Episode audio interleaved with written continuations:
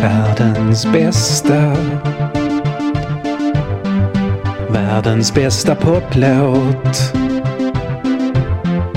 Världens bästa. Världens bästa poplåt. Det var en gång en låt. Den var bäst. Bäst i hela världen. Det finns år och så finns det år. Vissa sticker ut som alldeles, alldeles speciella och har fått liksom en särskild klang av romantisk särskildhet.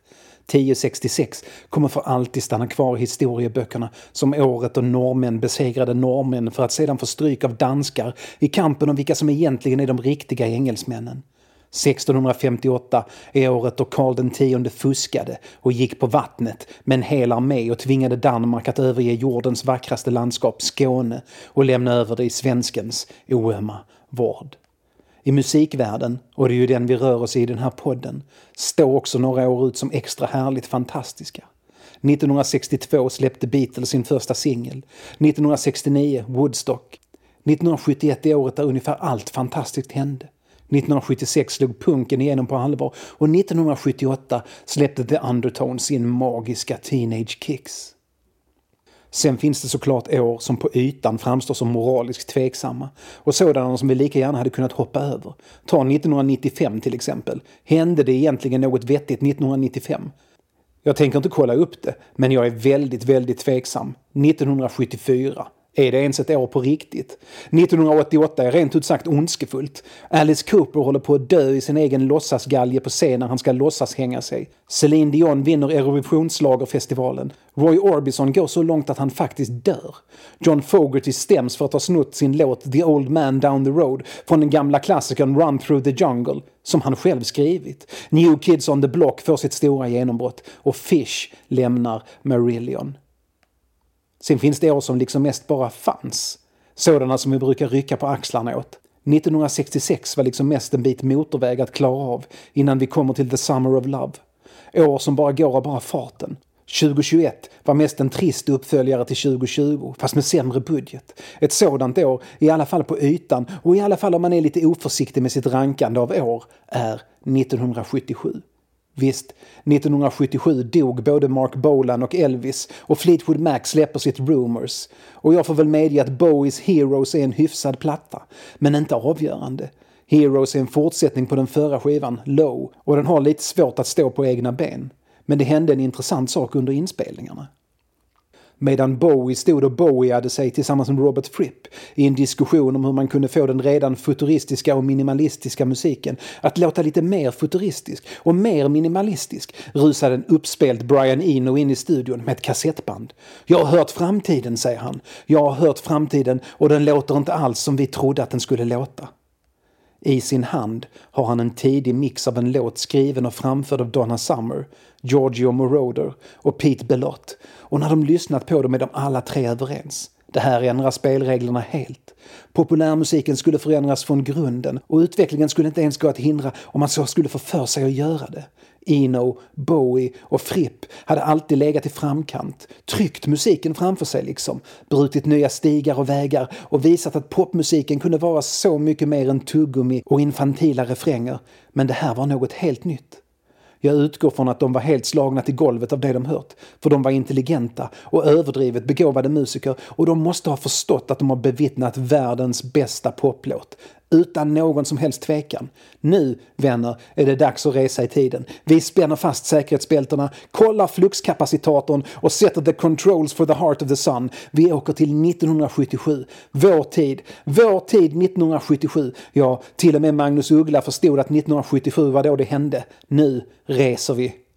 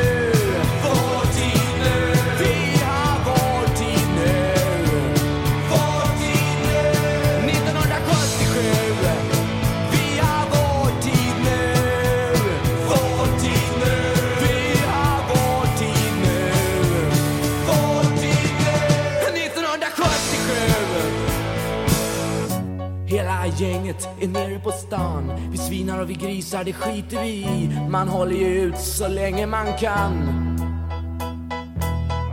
För nu är det sommar, men snart är det höst. Då är det inte någon tröst att deppa över förlorad tid.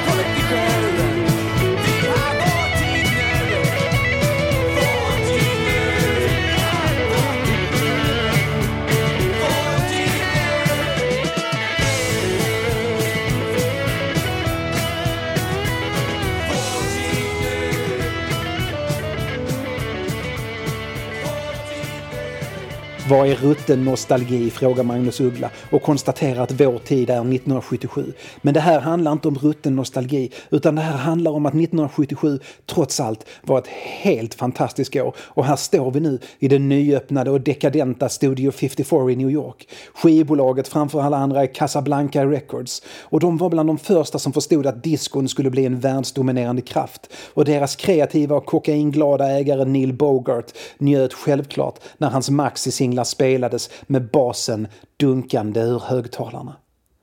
Bogart kan närmast hållas ensam ansvarig för att ha populariserat 12-tumsingen, gjort den till nödvändig. Det var han som fick Donna Summers Love to Love You skickad till sig redan 1974 och spelade den på en av sina fester och kom på att lösningen på problemet med att låtjäveln tog slut efter tre minuter inte i längden kunde vara att bara börja om från början eller byta låt utan att helt enkelt förlänga den till 17 minuter. Discoeran blev 12-tumsingelns tid och aldrig mer så än på Studio 54. Det är knökfullt, rökfullt och svettigt och nyöppnat. Det är några år senare. Det är 1977 och Donna Summer fyller dansgolvet med musik som inte låter som den andra musiken. Diskon var wow-wow-gitarrer och funkiga trummor och repetitiva basar och tempot varierar mellan 120 slag i minuten och 130 slag i minuten och låtarna flyter ihop och ja, så lät Donna Summer innan också.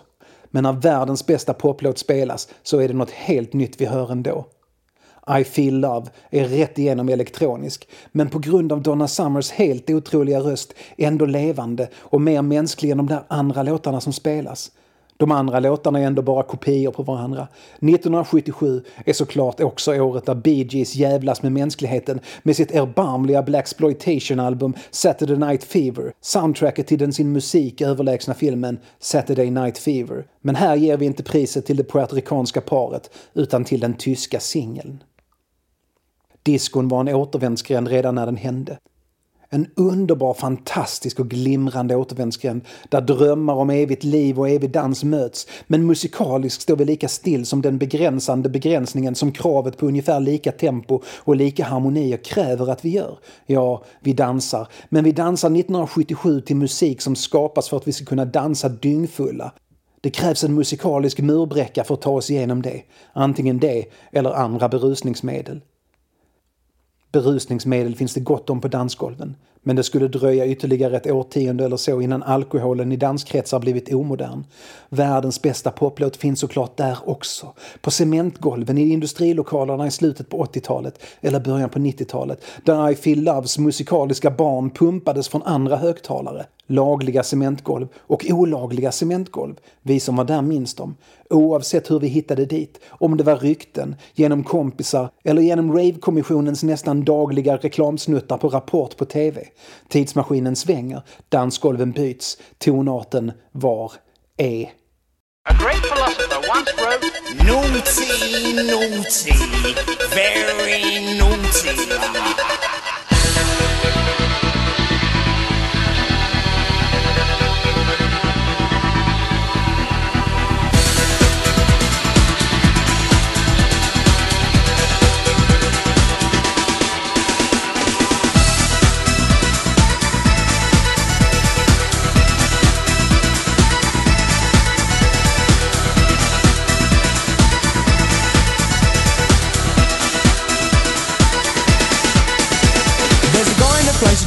Sweet face and he goes by the name of Ebenezer Good. His friends call him Easer and he is the main geezer and he vibe up the place like no other man could. He's refined, he's sublime, he makes you feel fine and very much maligned and misunderstood. But if you know Easer, he's a real crowd pleaser. He's ever so good, he's Ebenezer Good. You see that he's mischievous, mysterious and devious when he circulates amongst the people in the place. Once you know he's fun and something of a genius, he gives a grin that goes around face to face to face. Backwards and then forwards, forwards and then backwards. Easer is a geezer, he loves to muscle in. That's about the time the crowd will shout the name of Easer as he's conjured in the corner laughing by the bass bin.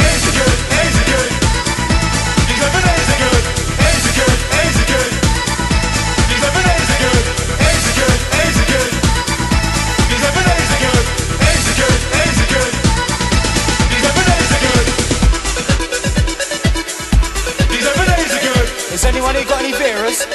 Lovely.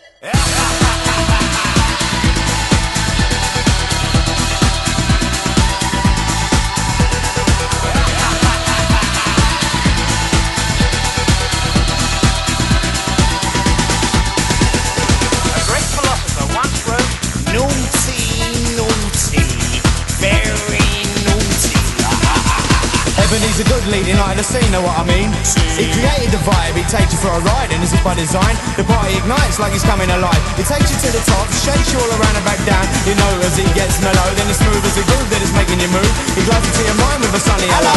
A gentleman of leisure, he's there for your pleasure, but go easy on old Easter, he's a love you can lose. Extraordinary fella like Mr. Punchinella. He's the kind of geezer who must never be abused. When you're in town and Ebenezer is around, you can sense the presence in the sound of the crowd. He gets them all out. The pipe starts rocking, the people get excited. It's time to shout Easy good? easy good?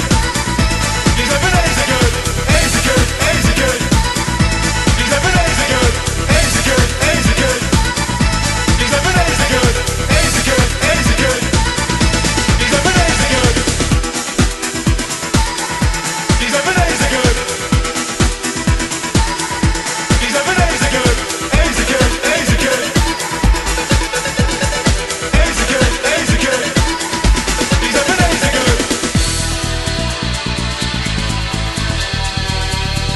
salmon.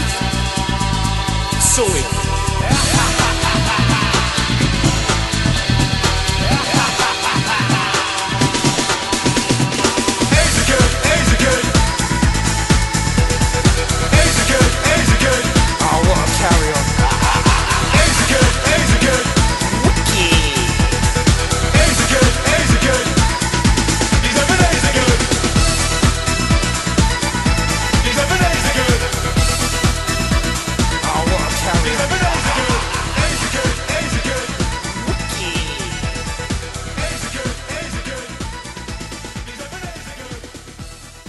Musiken vi lyssnade på hade inte hänt utan Donna Summer och Giorgio Moroder. Länken finns där. Var en kroppar dansar till ett elektroniskt beat till hypnotisk musik gör de det till viss mån tack vare det underverk som är I Feel Love. 1975, ett mycket bra musikår för övrigt, fick Donna Summer sitt stora genombrott för den radiolyssnande och dansande publiken. Love to Love You blev ett fenomen och den var sådär lagom förbjudet sexuell. Inga poetiska omskrivningar, men det mesta lämnades ändå åt fantasin och den gjorde tysk disco till en internationell angelägenhet.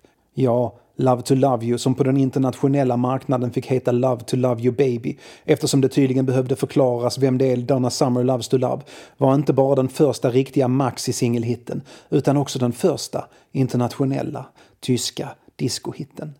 Summer var inte tyska, men hon hade gift sig tyskt med skådespelaren Helmut Sommer. Hon träffade honom när hon spelade en av huvudrollerna i den tyska uppsättningen av Hair. Hon spelade rollen redan i Broadway-uppsättningen av Hair och hon var den enda i ensemblen som nappade på erbjudandet att fortsätta spela sin roll, fast på tyska och i München. Summer kunde inte ett ord tyska, men hon hade aldrig varit utomlands, så hon tackade ja. Hair var ett mycket märkligt kulturellt fenomen. En sorts bokslut över det sena 60-talets motkultur som förefaller vara skrivet av personer med bara en mycket ytlig kännedom om det sena 60-talets motkultur. Genom Hair kunde människor som liksom missat 60-talet i lugn och ro sätta sig i en teaterfåtölj på 70-talet och uppleva hur 60-talet kanske varit.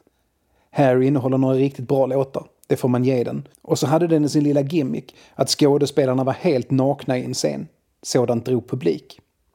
Efter Hair försörjde sig Summer som modell och körsångare. Och det var som körsångare hon träffade Giorgio Moroder. Och de klickade direkt musikaliskt. Moroder var fascinerad av det hypnotiska i musik som tillåts vara så enformig att tankarna hos lyssnaren liksom svävar iväg. Summer var också intresserad av musik som ett sätt att förändra medvetandet, sätta det i nya tillstånd. Och så gillade de dansmusik, båda två. Moroder var musikproducent och han ägde Musicland Studios, en studio i München som numera betraktas som legendarisk.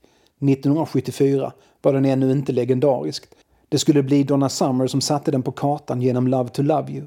Efter den ville alla spela in där, och det gjorde de. I alla fall The Rolling Stones, Electric Light Orchestra, Led Zeppelin, Deep Purple, Queen, Elton John. Men de lyckades inte återskapa Summers magi. När Love to Love You Baby exploderade i USA mycket på grund av att Neil Bogart och hans Casablanca plöjde ner nästan alla pengar de tjänade på Kiss magnifika livealbum Alive i marknadsföringen av singeln steg efterfrågan på fler discolåtar från Summer. På två år gjorde hon tre skivor som försökte upprepa succén och till viss mån lyckades hon. Men ingen låt blev så stor som Love to Love You och ingen vågade upprepa greppet att vara 17 minuter lång. Men Summer fortsatte att skriva för dansgolvet.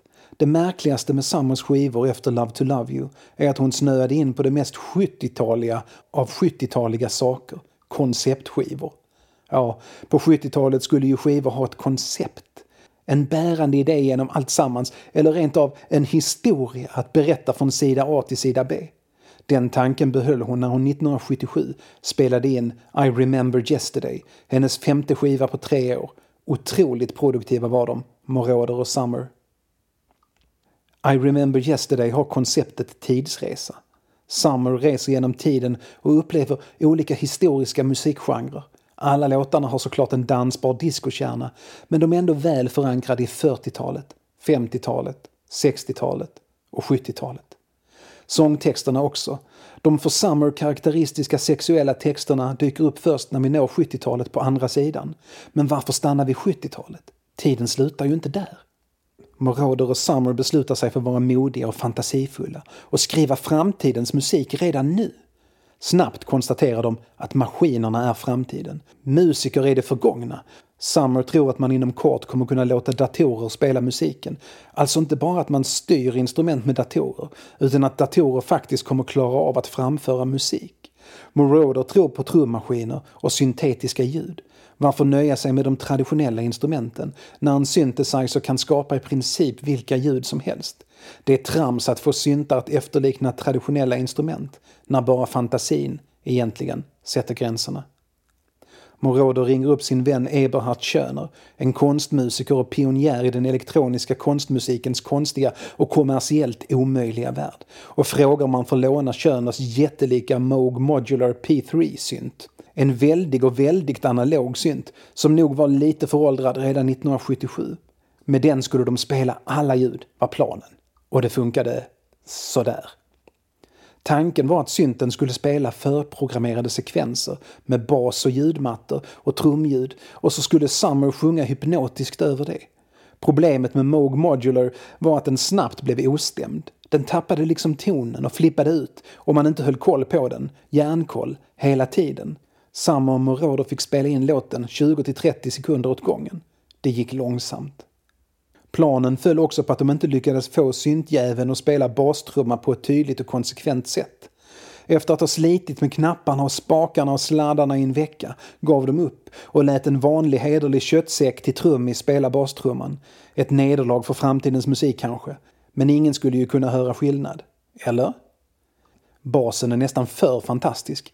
Moroder får Mogen att spela en gungande sak i vänster kanal och samma sak fast lite osynkad och med eko i höger kanal och resultatet blir en bas som liksom rör sig genom rummet. Fram och tillbaka gungar den, skickas som ett stroboskop. I mitten står Summers röst och sveper genom låten som en sammetslen guide genom det okända ljudlandskapet.